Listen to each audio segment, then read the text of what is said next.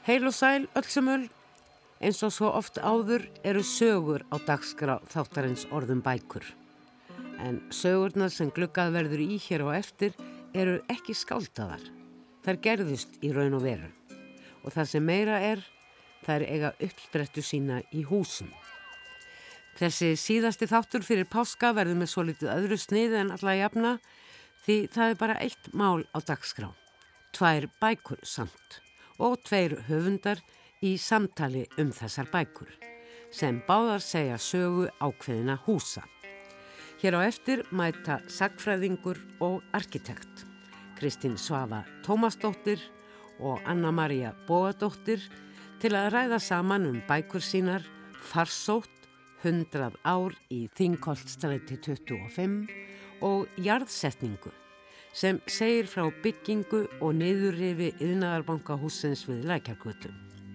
Kanski ágætis uppheitun fyrir bókmæntaháttíð sem hefst 19. apríl en þar gefst jú tækifæri til að heyra reytöfunda ræða saman um ákveðnar bækur sínar í tengslum við viðfangsefni þeirra og framsetningu, oft undir ákveðinni yfirskrift. Hér með eru hlustendur kvattir til að kynna sér dagskrá bókmæntaháttíðar sem nú þegar er aðgengileg á vefháttíðarinnar bókmentahattít.is en 28 höfundar, hvorki meirinni minna, mæta til leiks á bókmentaháttíð Reykjavík í þetta 16. skipti sem hún er haldinn. 13 íslenskir höfundar og 15 erlendir. En nú bækur um hús.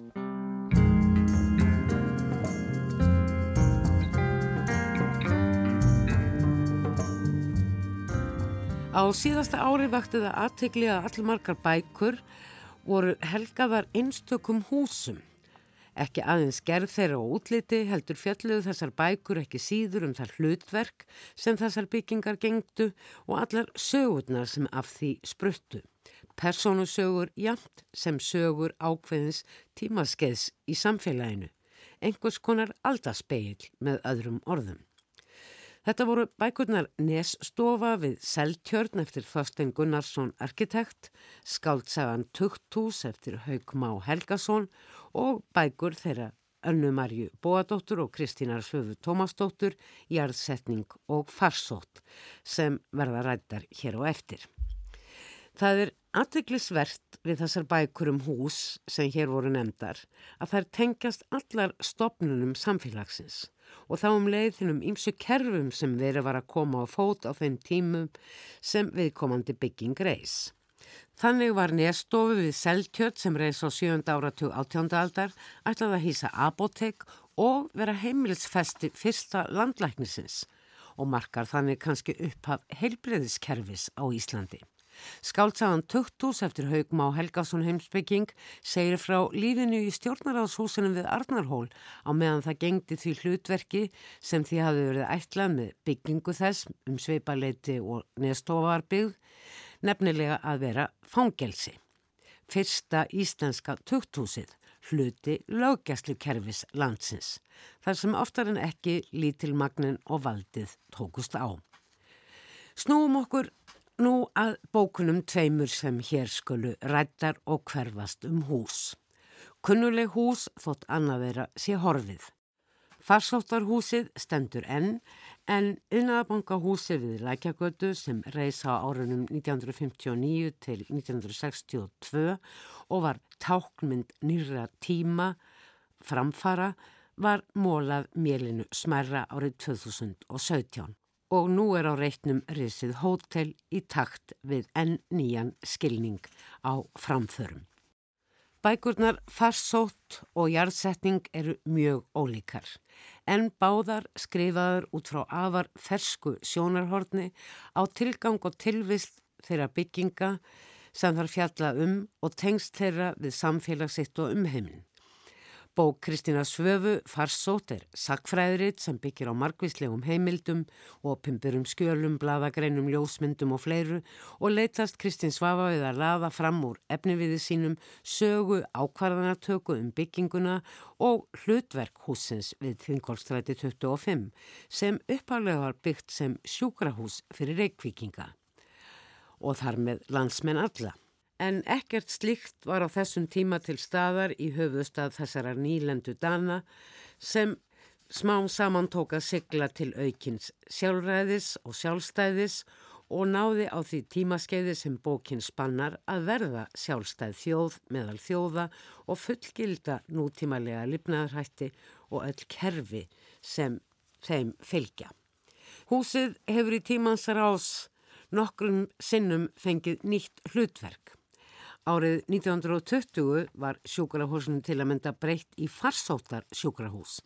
Enda smittsjúkdómar, allt frá kóleru, svartadöðu og holdsveiki til skallatsóttar, mistlinga, bergla og influensa af ýmsum toga, þá hinn mesta vá eins og við nú getum svo vel ímyndað okkur eftir faraldurinn af völdum COVID-verunar sem herjaði á heiminn fyrir ekki svo löngum. Með framförum á sviði laknavísindana auknur hreinlæti, uppbyggingu að og fráveitna við hús og byggingar, dró úr smittsjúkdómum í kringum meðja síðustu öll, þannig að ekki rendist lengur þörf fyrir farsóttarsjúkrahús í henni ört stækandi Reykjavík, en þeimun meiri þörf fyrir einhvers konar vistun og ummönnun annars konar sjúklinga, ekki síst geðsjúklinga sem þá voru vistaðir í þessu húsi Þingholstræti 25 og enn stekkaði Reykjavík og lífið þar breyttist og ákveðu var að nýta bygginguna sem gistiskíli fyrir þau sem áttu ekki í húsa að venda vegna drikkjuskapar og annars óeskilegs aðtæfis á göttum úti. Saga húsins Þingolstræti 25, gamla farsóttar sjúkrahúsins, er með öðrum orðum saga þess hvernig heilbriðis og félagsmála kerfi Reykjavíkur og þar með landsins alls þróaðist. Frá árinu 1984 hefur svo engin ofinbærstarfsemi verið í húsinu sem nú er í engaeigu. Bókin Jarðsetning eftir Önnumarju Bóadóttur, arkitekt, tekur líka útgangspunkt í einu húsi og hefst á endalókum þess. Þegar arkitektin fær leifi til að vera viðstödd og kvikmynda endarlegt niðurbrót byggingar yðnaðabankans við Lækjargötu árið 2017. Í bókinni segir Anna-Maria frá gerðbyggingarinnar og hvernig hún endur speklar tíðaranda og framtíðar sín íslensk samfélags um miðja síðustu öld þegar framfarir byrtust helst í mannvirkjum. Virkjanir voru reistar verksmiður og alls konar hús til ábúðar fyrir fólk í borgum og bæjum. Anna-Maria setur byggingu innabanka húsins líka í alþjóðlegt samhengi. Húsið rýst til að mynda á svipuðum tíma og hús saminuðu þjóðana í New York. Á þessum tíma blúsandi trúnaðatröss á framtíð í friði urðu svo ymsar breytingar í tengslu með alla þessa mannvirkjagerð. Til að mynda tók vergildi húsa að miðast við staðsetningu þeirra ekki síður en efnin sem þau voru búin til úr og fjármögnunarkerfi tóku að gera sig gildandi í stjórnun húsnæðis uppbyggingar í samfélaginu. Í þessum bókun tveimur skarast sem sagt nútíminn og gamli tíminn en eiga líka samlið um hátt í 30 ár. Anna-Maria að segja sögu innaðabanka húsins með afar personulegum hætti. Hún sjálf er í forgrunni, það er hún sem ákveður að fylgja þessu niður yfir eftir og hefur til þess sínar ástæður. Hún veit skoða sögu húsins sem þarna er mólað mélinu smærra, urðað, sett í uppfyllingar og jafnvel að einhverju leiti endur nýtt. Í ljósi eigin lífs vil hún skoða þetta ferli og vegferðar sinnar að verða arkitekt, fremja og hugsa um heið manngerða umhverfi. Hvaða sögu segja hús og mannvirkju okkur um samfélagið sem það rýsi, tengsless við ríkjandi hugmyndafræðu og framtíðar sín hvers tíma í heiminum öllum og hvernig endur speglast þessi saga í okkar eigin lífi og sögu. Þetta er afar áhugaverð nálgun hjá Önnumarju sem þrátt fyrir að virðast kannski þraung því hún er svo personuleg, stekkar í raun heiminn og samhengið allt. Svo saga eða öllu heldur sögur sem Kristín Svafa Tómastóttir segir í bóksinni Farsótt er ekki síst borin uppi af því fólki sem dvaldi um lengri eða skemmri tíma í Farsóttarhúsinu, hvort heldur sem sjúklingar og vistmenn eða sem starfsfólk en engum fyrirgrendi hópurinn gefur sakfræðingnum gott tækifæri til að gömgæða hvernig miðja og jaðar samfélagsins verður til og þróast. Þá er bókin einnig mikilsvert yfirlit yfir þróun læknavísinda, aðferðir og meðöl sem nýttust til að bæta heilsu sem og um uppbyggingu heilbriðiskerfis í landinu. Hvernig starfstjættir tengdar heilsu þróuðust og ekki bara læknastjættin, heldur líka og ekki síður stjætt hjógrunakvenna og fleiri kvenna sem tóku að sér margvíslega félagslega aðstóð við borgarbúa, hvort heldur í nærum hverfi fólks eða í gegnum félagsamtök sem leituðust við að skapa umgjörð og kerfi í samfélaginu svo að sem flestum mætti líða vel. Hér er sagan sögð út frá sjónarhorni Javarsins fremur en miðjunar sem svo oft hefur reykt sér af afreikum í áttilnýri og betri tíma en sannarlega komu fleiri að. Sumir nötu framfarana, aðrir liðu og einnig þeir fá að hljóma í þessari bók Kristínar Svöfu. Þessi ferskan nálgun í báðum þessum bókum vakti áhuga minn á því að stefna þeim báðum höfundunum Önnu Marju Bóadóttur og Kristíni Söfu Tómasdóttur yngar til mín til að ræða við mig og hvora aðra um þessi verksinn. Velkomnar, báðar tvær. Takk fyrir. Og miklar takkir eigiði skildar fyrir að veita svona yfirgripsmikla sín á sögu Reykjavíkur, innviði jæmt sem útviði ef svo má verði komast. En það bækurnar marg velunar og tilnæmdar til velunar bæði fyrir intak og útlitt eigum við að byrja á byrjunni, hugmyndinni að við, viðkomandi bók. Hvernig var það uh, til Kristinn sá að þú segir jú í upphæfi bókarinnar að það hafi verið frásagnir í skjölum um ákveðna mannesku sem að beindu þér af þessu húsi en hvernig var svona hugmyndin af já, þessum struktúr að láta húsið segja sögu og týna inn í þá sögu, sögu alls konar mikilvægra kerfa í samfélagi okkar. Já, eins og segir þá, þá var það þessi personu saga hennar unnar sem ég kalla svo, sem ég rakst á einmitt á borgarskeilasafninu sem að svona það var eiginlega fyrst þá sem ég tók almenlega eftir þessu húsi þegar ég fór að lesa þau skjöla því hún hafði sem sagt leiði þarna á farsótahúsinu á þriðja áratug 20. aldar og uh, ég svona vissi af þessu húsi en hafði aldrei lagt mér sérstaklega eftir því en svo fannst mér þetta uh, bara svolítið áhugavert að heyra um þennan farsótaspítala og fór svona að bara googla mér til og, og lesa um sögu þessa hús og komst þá að því hversu svona marg slungin hún var, hvaða höfðu verið margar stopnarnir aðna uh, og þar á meðal þessi farsóttaspítali og svo gistiskílið og bara einhvern veginn þegar svo ég fór að... Svo mikil saga og margvísleg. Já og þegar ég fór líka einmitt að skoða, skoða þessa sögu einhvern veginn og átta mig á henni sem heilt þá, þá fannst mér ég strax sjá einhverju svona aðtiklisverða þræði sem læði þarna í gegn sko bæði hvað varðar heilbriðisögn en líka einmitt þessa jæðarsetningu og einhverju svona hugmyndir um einmitt hluti eins og einhvern veginn heilbrið og veikindi og smitt og einangurinn og það einhvern veginn þú veist er verið að setja suma til hliðar og eitthvað svona. Þannig að mér varst ég strax sjá einhvern svona áhuga að vera þráði í gegnum ólíka kabla í lífi sama húsins og þannig einhvern veginn kvikna þetta það voru þessi svona þræðir í einhvern veginn heldinni sem að, sem að í rauninni mm. kvektu þessu hugmyndi kannski verið forvitnilegt að, að skoða bara einhvern veginn heldar sögun í gegnum mm. þetta hús. Þetta er gríðarlega yfirgripsmikið verk og fer í mjög margar áttir. Já, það var eiginlega óhjákvæmilegt að því að einmitt það eru þessir ólíku stopnarnir og þessir ólíku kaplar einhvern veginn í sögur Reykjavíkur þannig að það er, maður þurfti einhvern veginn að reyna að púsla þessu svolítið saman uh, þessu mjög svo margvíslega efni einmitt. Þú Anna Maria virðist standa viðfangsefniðínu innan bankahúsinu og niður yfir þess nokkuð nærri og tengir tímana tvenna við þetta eigið líf, fyrst á Eskifærið, síðan í Reykjavík og svo í útlöndum. Segðu það hans frá hvernig þessi tenging kom til, þetta er svona í og með æfisagaðinn en samt eru æfinlega hús og mannvirki í tengslum við hugmyndasögu og heimsögu í forgrunni sem að byrtist meðal annars í því að það kom ekki fyrir neinn mannanöfn í bókinni fyrir utan nöfn arkitekta. Nákvæmlega, ég, sko, ég hegsa þetta sé svolítið, fyrir mér er ég raunverulega arkitekt og hérna í runnin hafði aldrei svona uppháspunkturinn hjá mér að, að skrifa bók það er einhvern veginn svona sem verður úr í, í ferlinu sem ég leiði með einhvern veginn bara að fylgja og, og hlusta á mm. en ég verð svolítið hérna bara, já, upptökin af byggingunni sjálfri mm.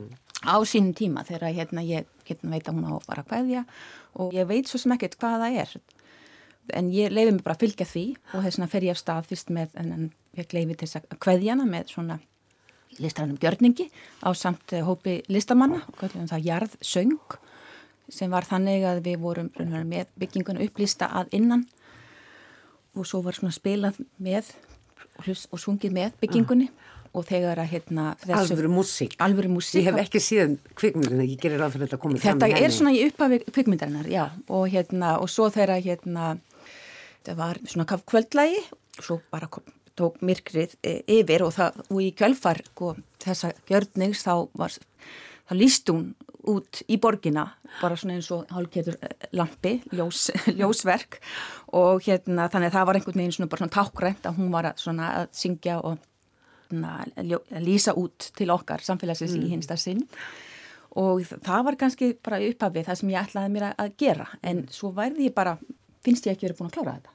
Þannig að þá í kjölfari fæ ég heimilt til þess að fylgja eftir eh, niðurifinu og ég gerði það í samstarfi Vil og Hilmarsson, hvernig það gera mann Við vorum hérna í margra mánuða skeið og aftur er það mikilvægt fyrir mér að vera inn í byggingunni mm. svona, og horfa út í borgina eins og var í, í gjörningnum og svo er það raunverulega þegar ég er svona með myndefnið, eh, það er búin líka í nokkur ár en ég svona, vil endilega klára þessa kvikmynd og mm. setja punkt við þetta verkefni og, og hérna en er ekki alveg búin að ramma nóg vel inn og fer í svona smiðju til Guðrunar Eva Mínurafdóttur hérna, Rittöfunda smiðju. og þá er ég fyrst og fremst að hugsa um sko, kvikmyndina.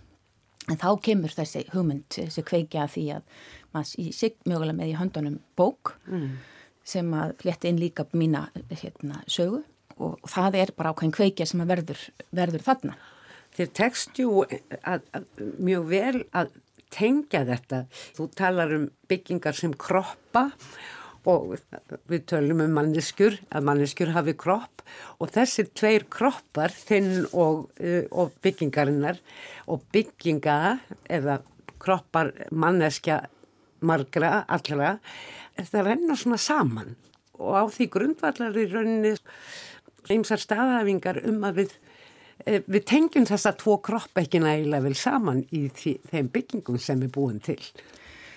Já, sannlega, það er ákveðin svona kjarni í þessu, þessi speiklun þessara kroppa og ég leik mér líka með það í, í tungumálunu mm. og nota byggingar kroppin og, og það verður kannski þessi rauði þráður í gegnum bókina og það að fara að skrifa bókina hjálpa mér líka að hérna klára kvikmyndina, mm. að því að ég finn út að kvikmyndi getur bara verið tært svona kannski svona sjónrænt portrétt af niðurifinu sjálfu og þannig að það er engar, það er, það er hljóð með en það er ekki svona rattir sem er að tala í kringum hana. Mm. þannig að ég vann þetta svolítið samhliða.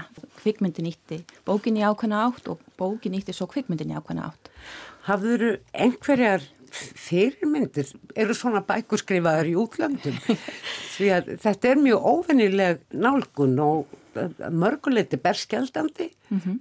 einlega bæði fyrir, fyrir þig og fyrir bygginguna og þá hugmyndafræði sem hún rýsa á Já, ég hafði margar fyrirmyndir, ekki samt akkurat sko, þessa, en ég var mikið að skoða og mikið skoða náttúrulega bara arkitektúr, litteratúr, þannig að það verður svona úrlíka, ég sé fyrir mér að vera svona ákveðin leiðsögumadur uh, með lesundum í gegnum bókina, mm. sem að er líka verður til þess að, að kannski tengja lesandan við viðfangsefnið, af því arkitektúr er ofta eitthvað svona sem er fjarrir manni, sérstaklega kannski maður þekkir ekki til eða, þannig að það var svona hugmyndin að færa fólk nær og það er til dæmis bók Stein Æler Rasmussen fyrirvendu profesors við arkitekta háskólan í Kaupanahöfn sem kemur út bara á sjötta áratögnum mm. og mátt upplifi arkitektúrin sem er svona leiðsagnar rít, það er svona eina fyrirmyndunum. Mm.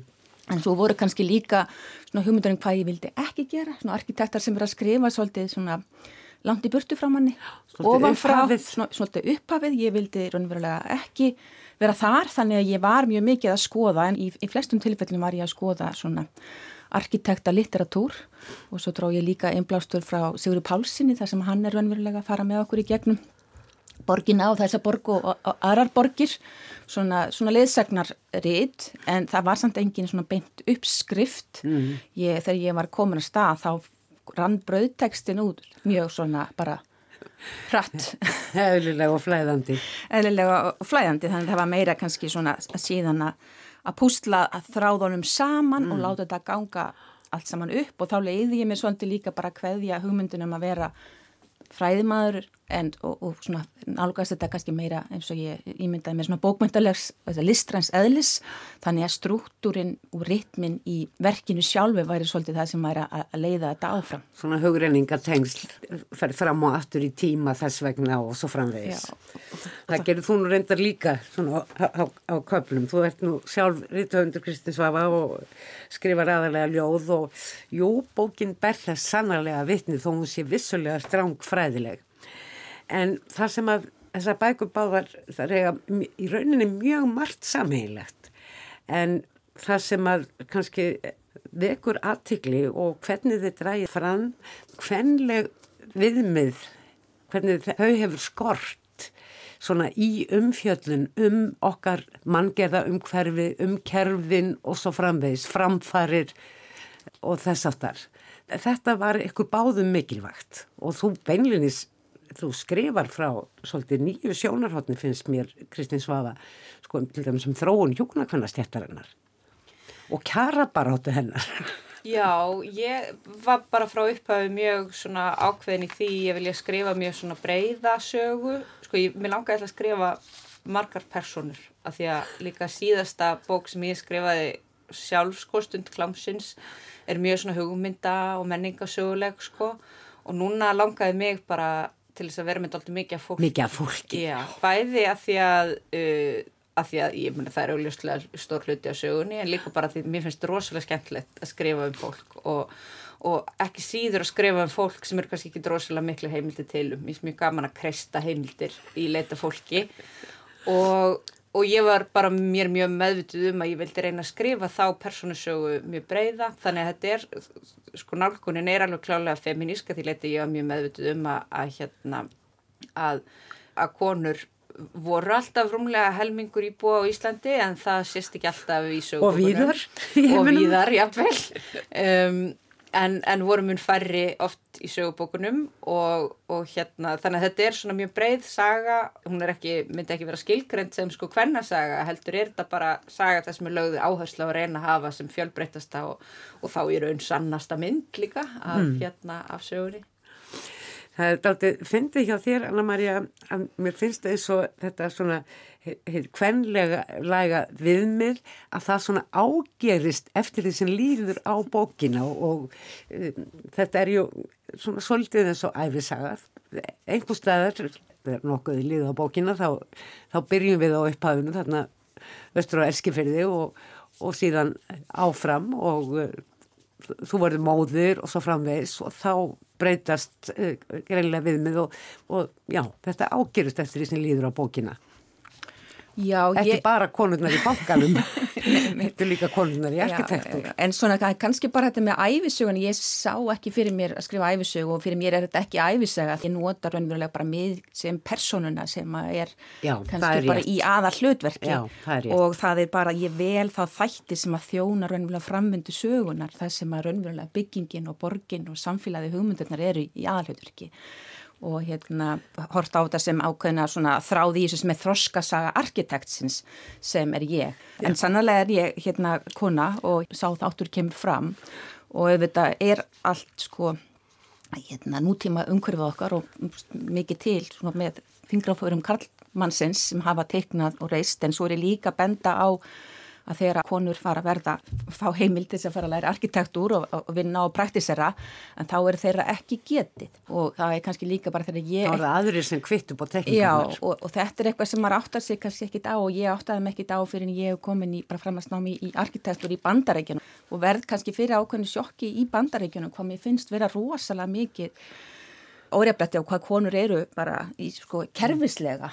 Eh, bara hugmyndunum að það sé ekki til dæmis lögbundið fæðingarólof til með skvenna og verandi í hérna, erfiðu námi í skóla og vera líka að eiga börn þá einhvern veginn mætti þetta mér mjög harkalega og það er náttúrulega ekki fyrir sent í sögunni. Já, þannig að kannski ágjörða þetta ymmið þannig þegar þetta fer að mæta mér mm. og snerta mér og ég er önverulega að fer að upplifa þetta. Ég var ekki meðvitað að hugsa um eitthvað mjög að skrifa feminist verðt heldur en bara vera trú trú framvindinu og þetta er sannarlega eitt af því sem er saga byggingarinnar og mm. saga arkitekts og, og saga samfélagana hverjir hafa verið að móta að rýmin okkar og að veri leiðandi í því að skilgrina kerfin og þar með rýmin sem við búum í það hafa verið Karlmann. Já. Já, ég bara um þetta skjóta, ég tengti svo rosalega mikið við það í bókinunar önnumari og held að það komi vonandi líka fram í fars og það er þessi, það er þessi, þessar svona rýmispælingar í samhengi við einhvern veginn kynin, hvar fólk hefur plás og svona og sjálfsög hafði ég sérstaklega gaman að við mitt kaplanum hjá Önnumaríu sem gerist á sjúkrahúsi og, og fjallar einmitt um einhvern veginn rými lækna og rými ljósmaðra og einhvern veginn mörkið þar á milli. Og þetta er eitthvað sem að kemur auðvitað eh, mjög skýrt fram í sjúkrahúsi til dæmis eins og farsó þar sem er svo áhugaverður valdastígi að því að einmitt sko hjúkunakonunnar og konunnar sem að vinna inn á uh, sjúkrahúsinu búa þar líka, þú veist þetta er líka þeirra heimili. Og, svo, og læknarnir eru augljóslega að herra í valdastíganum en þeir eru einhvern veginn tilheyra rýmuna á allt annan hátta því þeir, þeir búa einhverstur út í bæ og, og koma í heimsó. Þetta fléttast svo saman við einhvern veginn valdastígan sko. En talandum rýmið þar sem að mér finnst svo flott í báðansum bókum er hvernig samfélagsrýmið í heilt er stækkað í þeim þannig að allir rúmast, bæði kallarnir og að konurnar fái núna að valsa um og sína sig í krafti þess sem að þær hafa lagt að mörgum sem ekki er lítil fyrir þið. Já og, og það er bæði kynjavingillin og svo auðvitað stjættavingill líka og ymsar aðra nálgarnir og er auðvitað sést til dæmis vel líka síðan þegar farsótahúsi verður að gistiskíli fyrir heimilislausa. Það er náttúrulega, þar eru þessar rýmispælingar mjög mikilvægar og ég vitna náttúrulega í bara þessa klassísku umræðu þar sem er einhvern veginn verið að svo mikið að tala um hverjir eiga heima á gödunum, hverjir meg að vera einhvern veginn í borgarrýminu og setja mark sitt á það sko og hvernig einhvern veginn hvað þýðir það að, eiga sér heimili eða að vera heimilislaus eða húsnöðslaus fyrir tengslín við borgina sem þú átt heimi mm. og svo mm. framvegist þannig að það eru þessar rýmispælingar og einhverju svona spurningar um miðju og jáðar líka þetta mjög hérna mikilvægar Annað sem að báðar þessa bækur fjallaðum það er endinghúsa og það með ólíkum hætti. Farsóttarhús við Þingolstræti stemdur ju enn og hefur gengt ólíkum hlutverkum í gegnum tíðina engu líkara en það hafa verið hægara um vik að breyta hlutverki þess að alltaf gamla timburhús heldur en hlutverki hins flotta nútíma steinsteipuhús sem innabangahúsið var og því ekki annað að gera en að móla það niður. Eða er það þetta sem þú segir Anna-Maria á einum stað í bókinu þinni, lifandi hlutverk er mikilvægast í þátturinn í að vernda hús og viðhalda þeim? Já, það er ákveðin kjarni og þess vegna er líka áhugavert að farsóttarhúsi fekk alltaf nýtt og nýtt hlutverk þannig til kannski núna síðast að við vitum það er í ákveðinu svona gisti þjónustu limbói við vitum ekki alveg hvað hva verður Kannski verður það hótel líka Já. eins og eh, byggingin Já. sem nú hefur risið á á reyt uh, gamleginar uh, bankahúsins. Einmitt, en ég maður einmitt á þessum tíma sem borgin átti þetta en þá var að fara að selja þá sendi ég þeirri einmitt hugmynd því það var hús sem ég kynntist í Oslo sem var gammalt, eh, það var vísu ekki farsóttarhús en svona hafi verið svona gisti skili, skili og mjög stórt voldugt, svolítið svona herragarður og það var búið að breyta honum í, það hefði líka bara svona miðlagt, þetta er alveg í miðborginni, búið að breyta honum í svona rými fyrir flótamenn sem voru mjög vaksandi á þessum tíma þannig að ég sendi þetta þá hugmyndi til borgarna sem var í miklu mandrað með að taka móti sínu fólki og sendi það held ég upp á Kjalarnes sem var kannski ekki æskilju staði fyrir fólk að vera á en, en það var ekki úr en það er hlutverð skipti miklu, miklu máli mm. og, og það er líka að tala um það að, að maður sé svona að meta kannski möguleika byggingan út frá út frá möguleiku hlutverkið þess og það er svona mín sína það að byggingin hafi að því uppálega átt að breytin í hótel það var uppháðlega hugmyndin, það átti ekkit endilega að rífa hana. Heldur umbreytin í hótel en kannski stóðust hún ekki væntingar sem hótel. Já, það hafði ju orðið þessi stórbrunni Já.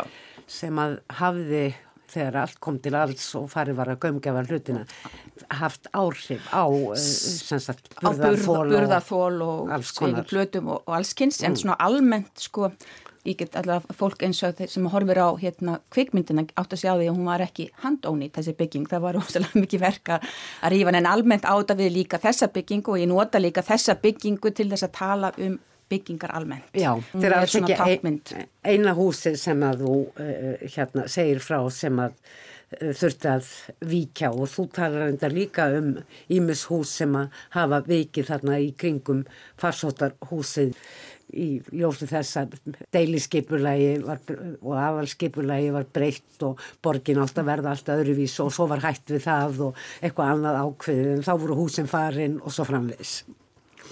En það er kannski líka hérna þessi með stöða reyfing og breyting sem að verður á hlutunum að fylgja því og það er kannski líka áhugavert að þetta svona ekkit alltaf elskaða farsóttarhús og margir sem gaggrina það mjög harkalega hérna finnst það ekki góðu standi og ég vikja en einhvern veginn er, var það eina byggingin sem að, sem að horfi nú á eða sem að yðnaðbankin kvatti. Það var akkurat kannski bygging sem að var reist af efnuðum fyrir efnaða, svona út frá sjónumæði efnuða og af miklum mm. efnum en hún vikur og meðan farsóttarhúsi stendur að það. Gamla sjúska sjúkrahús sem að engum leist á að nota í neitt sko. Já. Svo er einn punktur í þessu með eh, það að farsóttarsjúkrahúsi skuli standa en þá sem að þú kemur inn á að öll þessi hlutverk og jafnvel bygging húsin sjálfs var einhvers konar bráðabyrða. Já, það var eitthvað sem ég komst að því bara í vinnunni og ég mitt sko, annað sem ég er mjög skemmtilegt í bókinu en önnumar ég er öll þessi sem að hauðar mjög stert til mín, er öll þessi umræða um svona einhvern veginn bygging og hönnun húsa sem einhverjum svona byrtingamynda ákveðnar hugmyndafræði og ákveðnar svona hugmyndum hvernig samfélagið er að vera.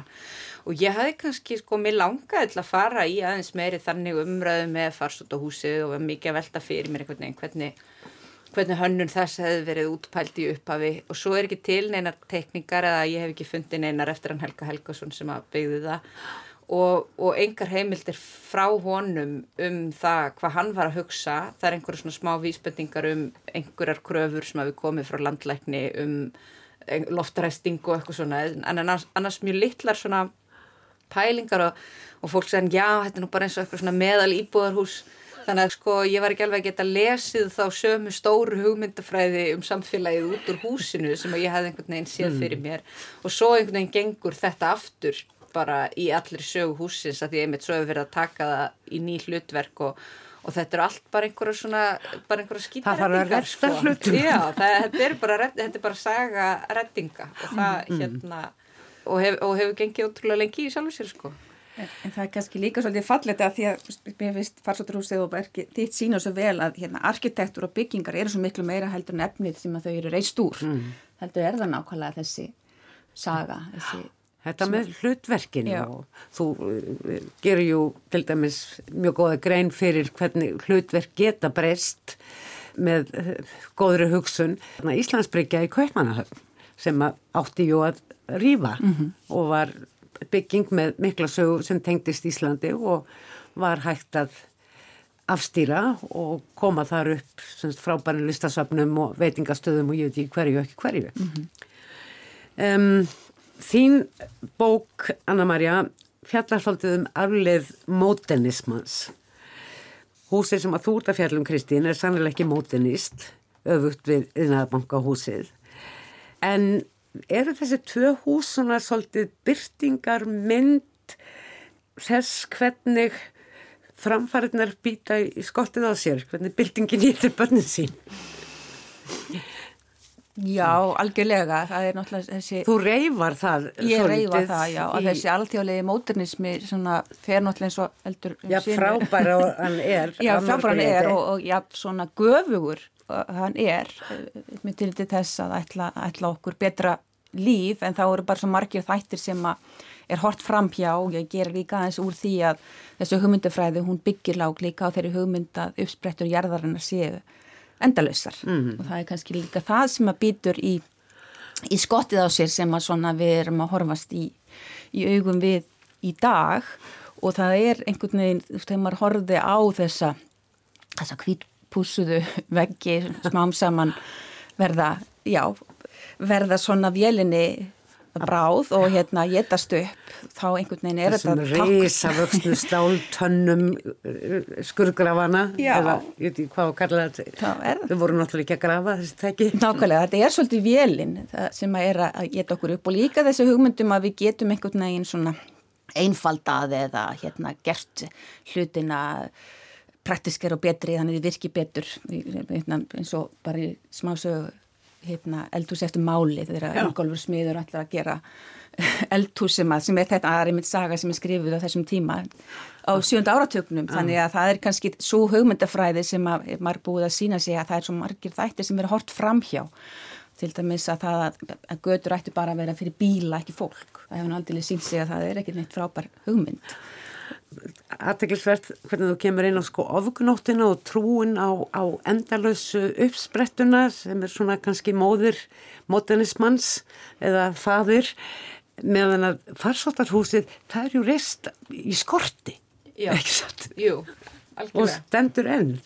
Og mikil og stórbrotin framtíðar sín sem tengja má við innarbankahúsið en farsóttarsjúkrahúsið við verðum að retta málum Já.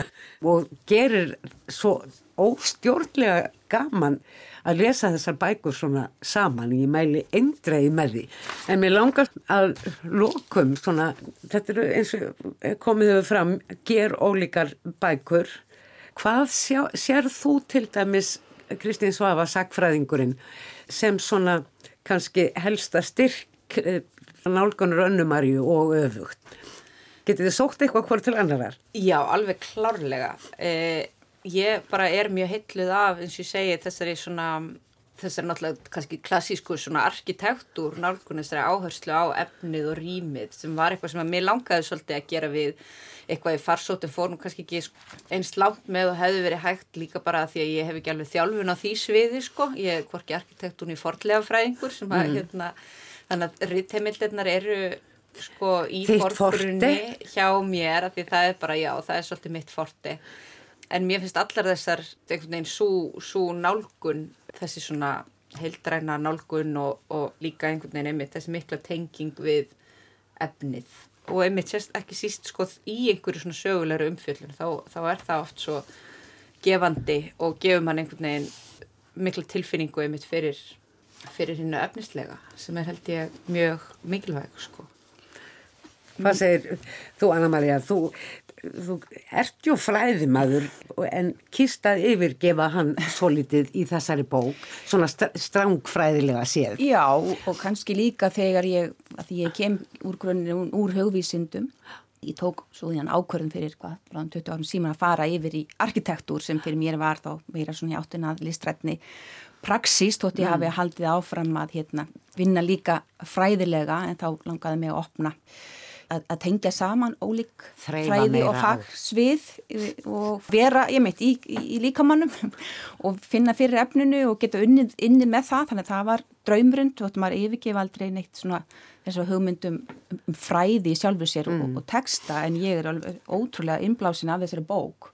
og hérna eins og hún, hún, viðfæðum og, já, veist, og ég leik alltaf bara svo takklátt fyrir að fá svona stórkoslega bækur sem maður getur sótt í aftur og aftur og aftur og aftur, aftur. Mm. ég hótti ég sé búin að lesa það núna þá ég veit ég að ég eftir að, svona, að ganga aðinni og, og geta svona imblásist og, og þessi fjöldi af líka, mjög ánægða með þú skildir velja það að hafa svona marga personur með mér finnst það takast rúslega vel að því maður er einmitt fyrr nær sögunni og ég fer alltaf svona sjálf í hugunum að sé fyrir mér með skiplags uppdrættina, það er stórkastlega líka uppdrættir og teikningar og ljósmyndir með þessu, þannig ég er alveg bara búin að vera í samtali við þig að lesa, að lesa þessa bók, það er svo margt sem er óunnið, það er svo mörg tækifæri í frekari vinnu með einmitt rými og uh, arkitektur mm. og skipula og sögu, þannig að þetta eru mjög samofinn svið og gaman að mitt að, að hérna, lesa þetta svona saman og vita það að við værum að fara í þetta samtal.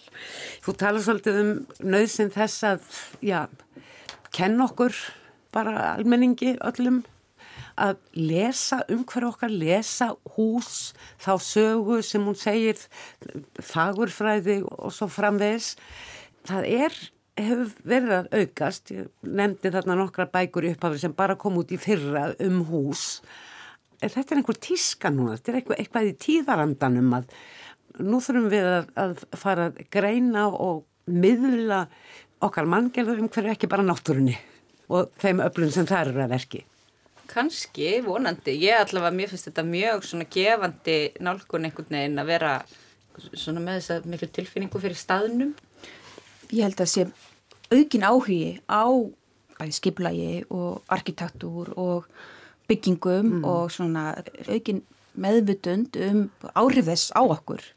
En líka sko meðvutund um að ég gæti mögulega einhverju þar um ráðið. Mm -hmm. Ég gæti haft einhver áhrif á það hvað rís í kringum mig, hvaða hraðbröll og hvort er lögð í næstan ágrunni og svo framvegis. Algjörlega því fyrir mér er þetta svolítið eins og ég kannski nefni þá er umhverfið sem við búum í sem við reysum það er jafn mikil skálskapur eins og hvað annað. Þannig að það er einhvern veginn ekki eitthvað ekki náttúru fyrirbæri. Og þess vegna kvílir þetta á okkur og byrjar í hugmyndum okkar og hugsunum og, hérna, og við hérna, getum breytt hlutum. En enga síður þá búum við líka alltaf í einhverju svona gritti eða einhverju svona blúprinti sem er lagt fyrir og við ætlum kannski ekki að gera aftur eins og alþjóða mótunismin að gera ráð fyrir að henda þau allir burtu áður við höldum áfram. Þess vegna erum við svo mikið líka núna að lesa í hús. Hvernig mm. getum við unni með þau hvernig getum við leiftum að þjóna okkur áfram og nýtt hlutverk. gefið þeim nýtt hlutverk nákvæmlega. Mm. og til viðbótar við þessar bækur hafa á allra síðustu árum uh, og jáfnvel líka í fyrra þá kom nú út skáltsaga Herman Stefánsson að millibilsmaðurinn sem að einmitt ekki síður en þessar bækur tengir sögur Reykjavíkur við ákveðu hús, meira að segja í næstan ágræni við farsótt, nefnilega hús Guðsbyggjafélagsins, Ingólstrætti 22, hinnum með við Spítalastíðin, þar sem farsótt stendur á horni Ingólstrættis og Spítalastíks og mér langar líka að nefna hérna bækur sem að koma út á allra síðustu árum, árið 2017 árið sem að yfirlega bankahúsi var mólað og 2021 bækur um Reykjavík sem sagt laugavegur annarsvegar og uh, Reykjavík sem aldrei varð eftir þau Guðina Valberg og Önnutröfn Ágústsdóttur bækur sem að sína svo vel að allt er breytingum undir orpið og ekkert er alveg eins og það var kannski upphafi fyrirflugað. Anna-Maria Bóadóttir, arkitekt og rittöfundur, Kristín Svafa Tómasdóttir, ljóðskáld, sagfræðingur þakka ykkur innilega fyrir þetta spjall. Ég vonar hlustendur hafi orðið margs vísari og mæli eindreið með öllum þessum bókum sem hér hafi verið nefndar. Takk, takk fyrir. Fleiri verða orðum bækur ekki að þessu sinni. Tæknimaður þessa þáttar var Jón Þór Helgason. Takk fyrir að hlusta, verði sæl